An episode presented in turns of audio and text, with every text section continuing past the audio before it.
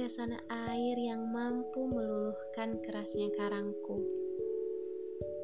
Kaulah rumah sederhana yang mampu memulangkan penatku. Kau laksana pelita yang mampu menerangi gelapku. Kau seseorang yang besar di hati kecilku. Bagaimana aku tidak jatuh dan terus merindu untuknya. Sedangkan aku tidak tahu apakah ini perasaan semacam rindu atau benar-benar rindu.